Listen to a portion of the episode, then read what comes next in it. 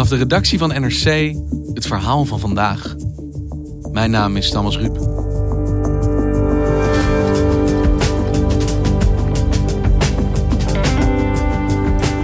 Vandaag, 41 jaar geleden, verscheen in NRC de eerste tekening van Luc Zeebroek. Beter bekend als Kama Gurka.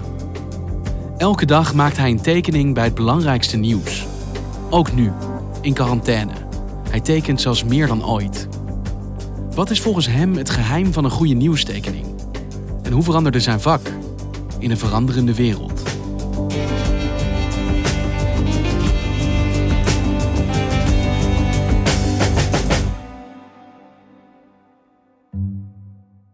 Ik teken in mijn atelier, hier beneden, op, op de gelijkvloerse verdieping. Kamagurka werkt vanuit zijn huis annex atelier in de omgeving van Brugge. Ik heb uh, op mijn tekentafel heb ik een, uh, een hele mooie schetsboek liggen. Mijn schetsboeken zijn eigenlijk mijn belangrijkste materiaal. En uh, daarnaast is ook heel belangrijk, dat zijn mijn pennen, mijn stiften. En dat zijn hele belachelijke stiften eigenlijk. Dat zijn kleine zwarte stiftjes. V-sign heten die stiftjes. En waarom heb ik die stiftjes? Ten eerste omdat ze zeer goed zijn. En ten tweede omdat ik toen ik de allerlaatste keer op de redactie van Charlie Hebdo was, uh, zaten al de tekenaars daar. En uh, die waren met die stiftjes aan het tekenen. En dan twee jaar later uh, is dan die fatale aanslag geweest. En ook een beetje uit respect, ook voor hen, ben ik blijven werken met die stiftjes.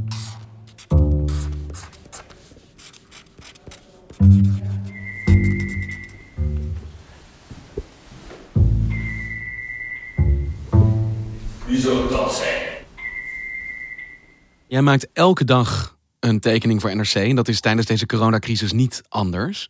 En hoe doe je dat? Op welk moment van de dag bepaal jij wat jouw tekening wordt? Vroeger moest ik om 12 uur bellen. Het was een tijd dat ik om 11 uur moest bellen. Uh, nu bel ik het liefst tussen 3 en 4. Uh, maar dan bel ik altijd te vroeg. En hoe bedoel je te vroeg? Omdat uh, om 4 uur is de vergadering. Een redactievergadering. En dan beslissen ze wat vooraan in de krant komt. En ehm, als ik om 3 uur 30 bel, dan is het voor de vergadering. Maar dan heb ik toch al iets waar ik een beetje kan over nadenken. Of dat, dat kalmeert mij dan een beetje zo van, ja, oké, daar zal het ongeveer over gaan. Hey, en dit jaar vieren we jouw 41ste jubileum bij NRC? Yes! en niet 40, maar 41. Ja, ja, ja. Vorig jaar zijn we dat vergeten. Dat, en dat neem ik ze zo ontzettend kwalijk. ik heb op het punt gestaan met abonnement op te zijn. Wel door te tekenen, maar geen abonnement meer dan. Ja. Zal ik namens NRC dan bij deze eventjes live mijn excuses aan je aanbieden? Ja, oké. Okay. Dankjewel, dankjewel. In Pakhuis de Zwijger gingen we een groot feest houden. En uh, de mensen mochten mij vragen stellen. Maar in plaats van een antwoord te geven met mijn uh, woorden, ging ik uh, stilzwijgend tekenen en met die tekeningen een antwoord geven op de vraag. Maar ja, het kan niet, hè. Het is coronatijd, dus jammer. Ja, dus niet alleen vieren we je jubileum een jaar te laat, maar ook nog eens vanuit quarantaine nu. Vanuit quarantaine. Wat zal het over twintig jaar zijn, jongens? Want er zijn maar weinig mensen hier op de redactie, denk ik, zo lang al met NRC verbonden als jij. Hoe ben jij hier ooit terechtgekomen? Dat is een heel mooi verhaal eigenlijk. Voor mij was in een krant staan, dat was zo belangrijk. Ik was negen jaar oud toen mijn eerste tekening in een krant verscheen. Mijn moeder had die tekening opgestuurd. Ik had, ik had Fred Flintstone getekend. En dat vond ik zo fantastisch dat ik uh, naar de krantenwinkel gelopen ben en nog drie andere kranten gekocht heb. En die hebben we allemaal naast elkaar gelegd. En dan uh, ben ik die beginnen vergelijken met elkaar. En ik vond dat zo onwaarschijnlijk dat die tekening in al die drie, vier kranten identiek dezelfde was. Dat was een shock-effect. En ik zeg van, ja, dit wil ik doen de rest van mijn leven, weet je wel. En uh, ik ben dan op een goede dag naar Amsterdam gegaan. En dan heb ik twee redacties bezocht. Op de Bonnefoy? De Haagse Post was dat. En NRC Handelsblad. En op het NRC uh, er bij was, er zat er een man uh, te roken, natuurlijk, gigantisch veel te roken. ja, dat, dat, kunnen we nu niet meer inbeelden hoe dat, dat is, maar dat was dus allemaal rook. En ik had een, een, een pak strips mee die ik getekend had, destijds al voor Humo. En ik toonde dat aan die man. En die man zei, ja jongen, het spijt me, maar we hebben al een strip, namelijk Bommel. en ik zei, ja, je kunt toch nog een tweede strip ernaast zetten. Maar dat kwam er dus blijkbaar niet van. En toen, een jaar later of zoiets, moet dat toch ergens blijven hangen zijn dat ik daar geweest was op de redactie. Uh, werd ik uh, gecontacteerd door niemand minder dan Adriaan van Dis. Die werkte toen voor de, voor de NRC. En hij vroeg of ik wou meewerken aan een nieuw initiatief. En dat was namelijk een pagina in de krant op, op zaterdag, denk ik, met tekenaars. En toen dacht ik van, wauw, dit is mijn kans om, om voor de NRC te werken. Ik moet, die, ik moet die met mijn vijf of zes handen grijpen. En, uh, en mijn twee voeten ook. En uh, toen heb ik een strip gemaakt. En die strip heette Toeter voor Computer. en ik had zo het idee van uh, computers, dat was iets nieuws eigenlijk. En dat, dat was een soort van ja, een nieuw woord. En daar wou ik iets doen. En wanneer ben je dan begonnen met elke dag zo'n tekening maken voor NRC? Dat was in de jaren 90, denk ik. Toen kwam er een strip van mij, Planeet Kamagurka genoemd. En uh, ik denk dat dat ook zo'n jaar of vier, vijf geduurd heeft. En toen hebben ze mij gevraagd om uh, een tekening te maken over de actualiteit op de voorpagina. En dat was uh, Volker Jensma, die mij gevraagd had. Maar Luc zei, het is wel heel belangrijk, je staat op de voorpagina, dus verknoei je niet. Lijkt me doodeng ook wel op een bepaalde ja, manier. Ja, het, het angstzweet brak mij uit toen hij dat zei. Maar tezelfde dacht ik van waarom niet, kom zeg.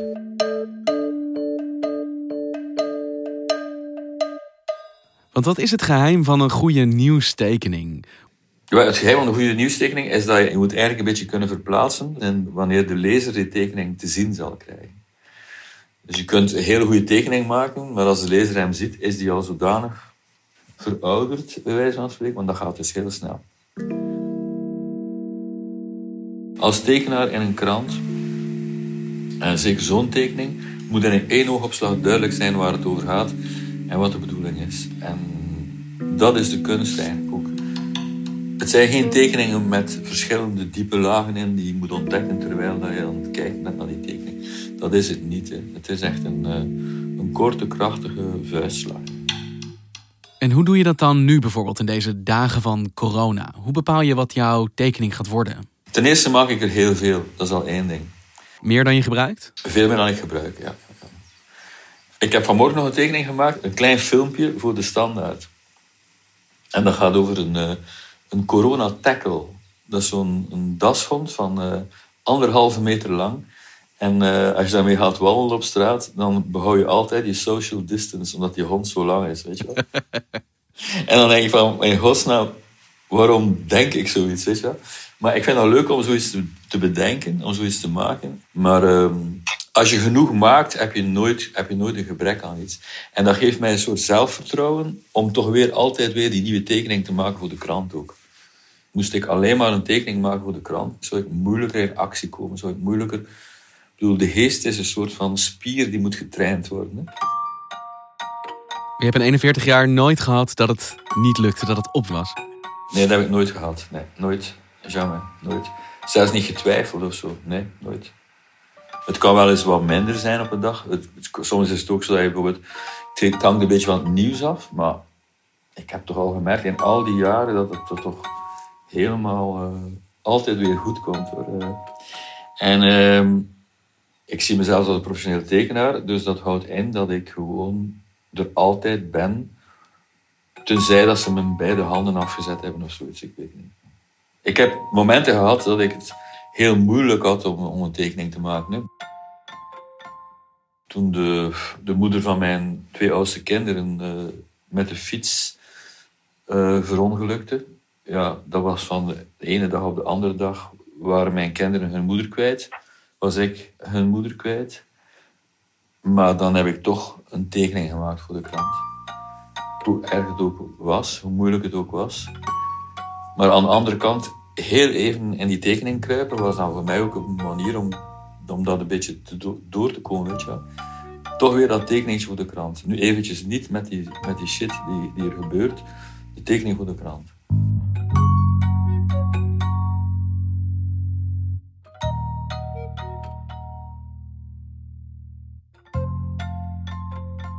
Jij moet dus altijd humor zoeken bij nieuws, bij serieuze situaties. Ik bedoel, corona is natuurlijk een wereldwijde epidemie waar mensen doodgaan. En jij moet op een of andere manier treffend zijn, maar het moet ook grappig zijn. Wringt dat nooit? Nee, nou ja, ik weet je wel, je kunt nooit. Uh, wat ik één ding dat ik al geleerd heb, is lach nooit met slachtoffers. Hoe bedoel je dat? Wel ja, je moet niet lachen met de mensen die ziek zijn, dat bedoel ik. Je moet niet lachen met de Italianen en de Spanjaarden die nu creveren.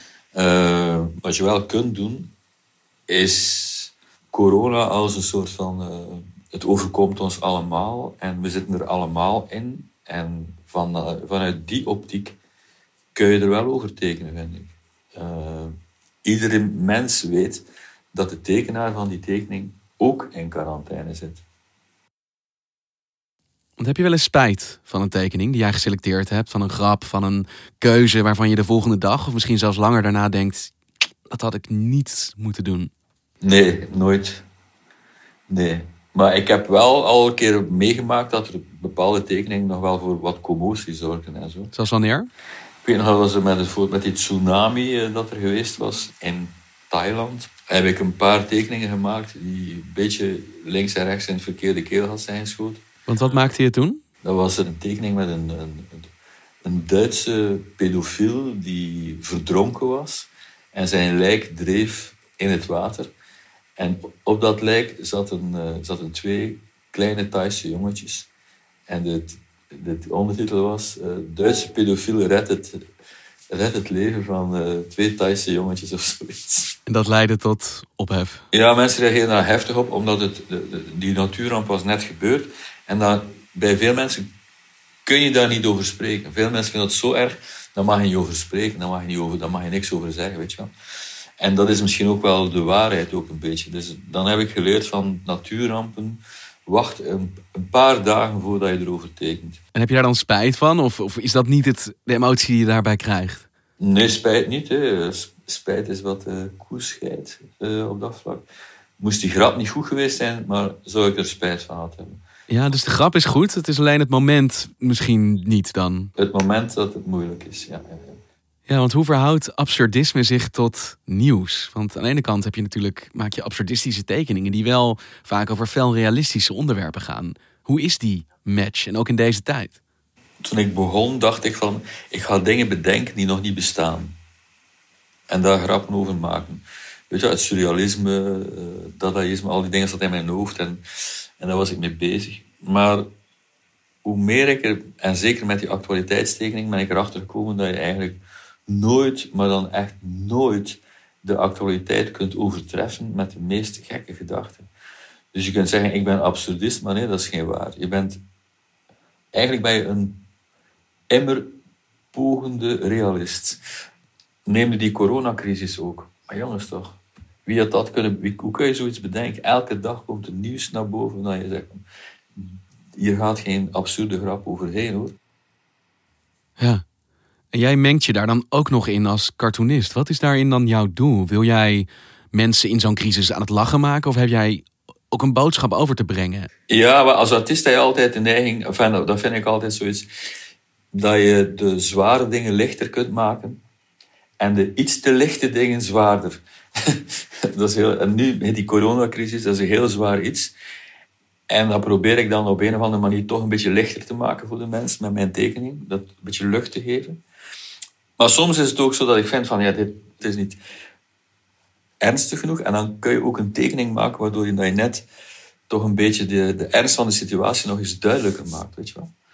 Dus ehm, een boodschap, niet direct een boodschap, dat is het niet. Maar ik heb wel zoiets van, hoe kan ik dit gegeven eigenlijk voor de lezer op zo'n manier weergeven dat hij er tenminste om kan lachen.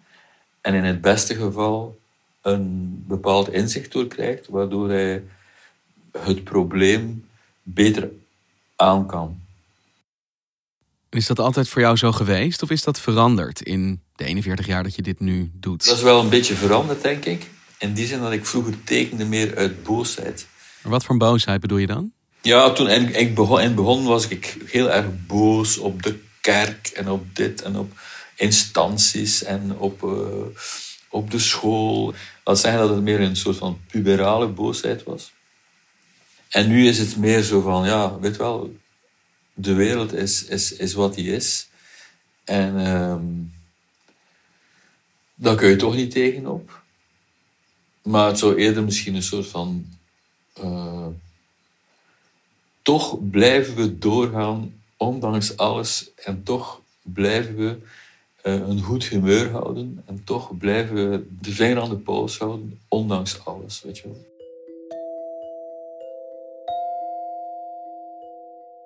Ook toen, toen Charlie Hebdo met die aanslag heb ik getekend voor de krant. In Parijs is een schietpartij geweest bij het hoofdkantoor van het satirische blad Charlie Hebdo. Volgens de politie zijn daarbij elf doden gevallen en ook zijn er tien gewonden.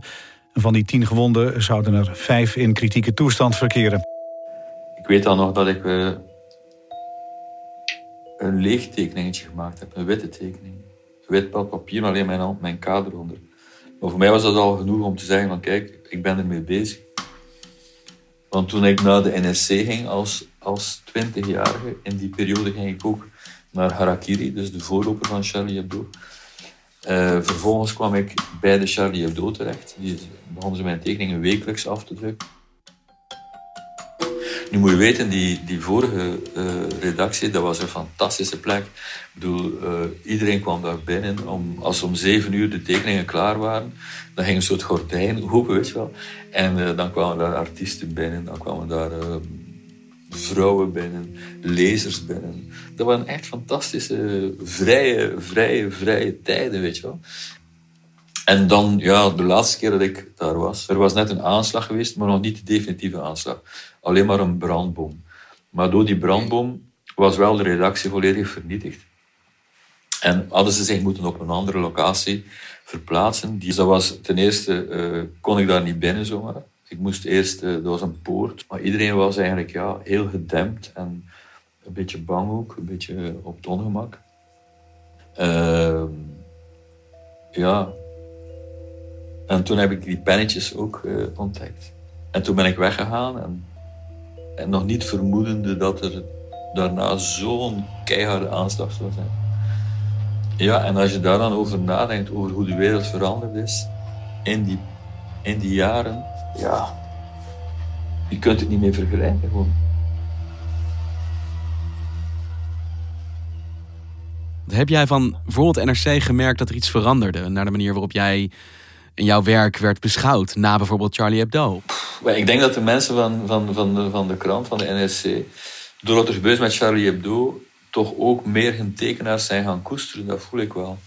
En wat heeft het veranderd in de manier waarop jij kijkt naar jouw werk en jouw rol in deze wereld? Ik denk dat ik des te gemotiveerder ben om te doen wat ik nu doe. Ehm, en als je zegt van ja, hoe slaag je erin om elke dag die tekening weer te maken, dan zit die gebeurtenis er ook wel voor een heel stuk tussen, weet je wel. Dat je die motivatie hebt en dat je voelt van, ja, ik, het is misschien niet belangrijk, maar het kan wel heel belangrijk zijn achteraf. En het is toch nog altijd een teken van, van, van vrijheid. Dus hoe lang ga je hier nog mee door met elke dag een tekening maken voor NRC? Uh, tot ik ermee stop. en dat, dat, weet, dat weet niemand. Ik denk dat ik in die 41 jaar inderdaad zo met die, met die krant vergroeid ben. En ik zie niet waarom ik zou moeten stoppen. Eigenlijk. Tenzij men, men mij zegt van ja, nu moet je niet meer, Luc. Stop maar, dan stop ik ook.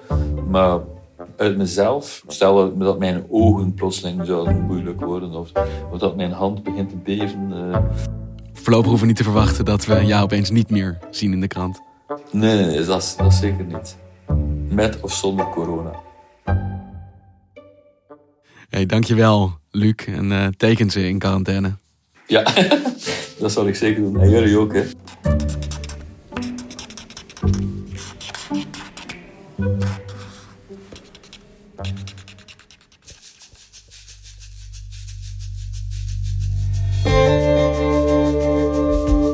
Je luistert naar vandaag En we volgen de ontwikkelingen rond de corona-uitbraak natuurlijk op de voet. Zoals de mondkapjes in het straatbeeld, bedoeld om verdere verspreiding van het virus te voorkomen. Steeds meer mensen dragen ze, maar werken ze ook? Ik bel met medisch redacteur Nienke Bijntema.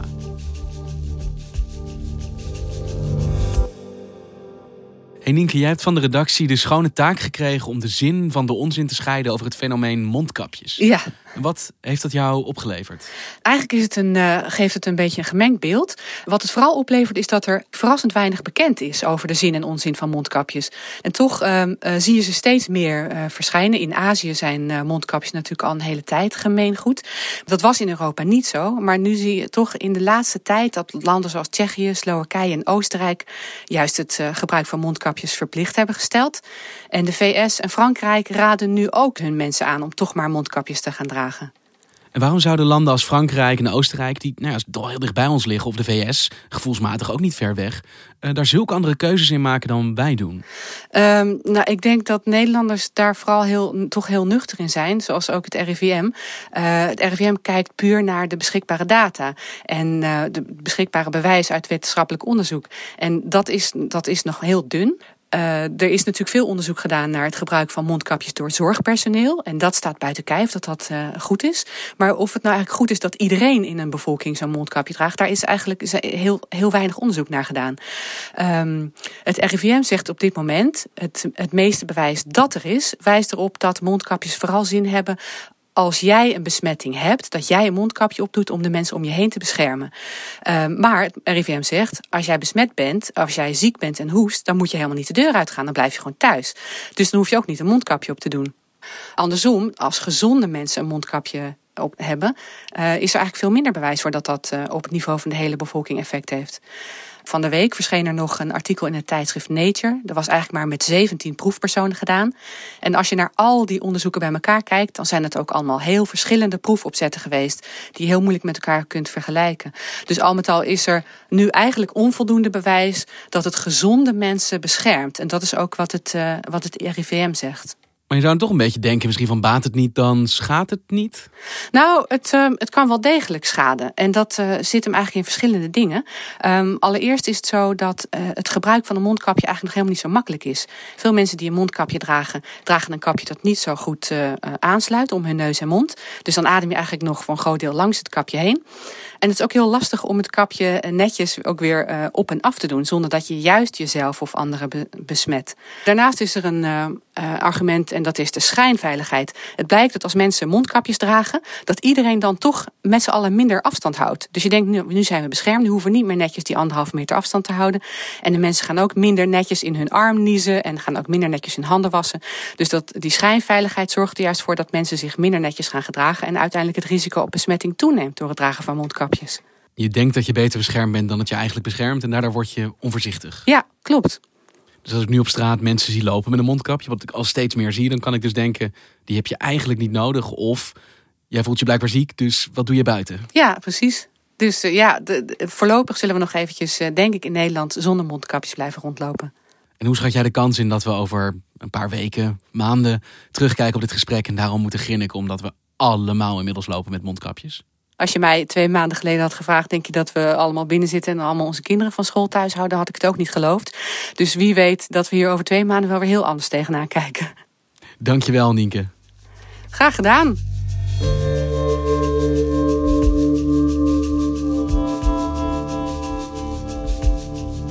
We leven in hectische tijden. Je kunt rekenen op NRC voor betrouwbare informatie, nieuws, duiding en analyse. En we kunnen dat alleen blijven doen dankzij onze abonnees. Dankzij jullie. Heb je nog geen abonnement? Kijk dan voor een aanbieding op nrc.nl slash podcastabonnement. Dankjewel. Dit was vandaag. Morgen weer.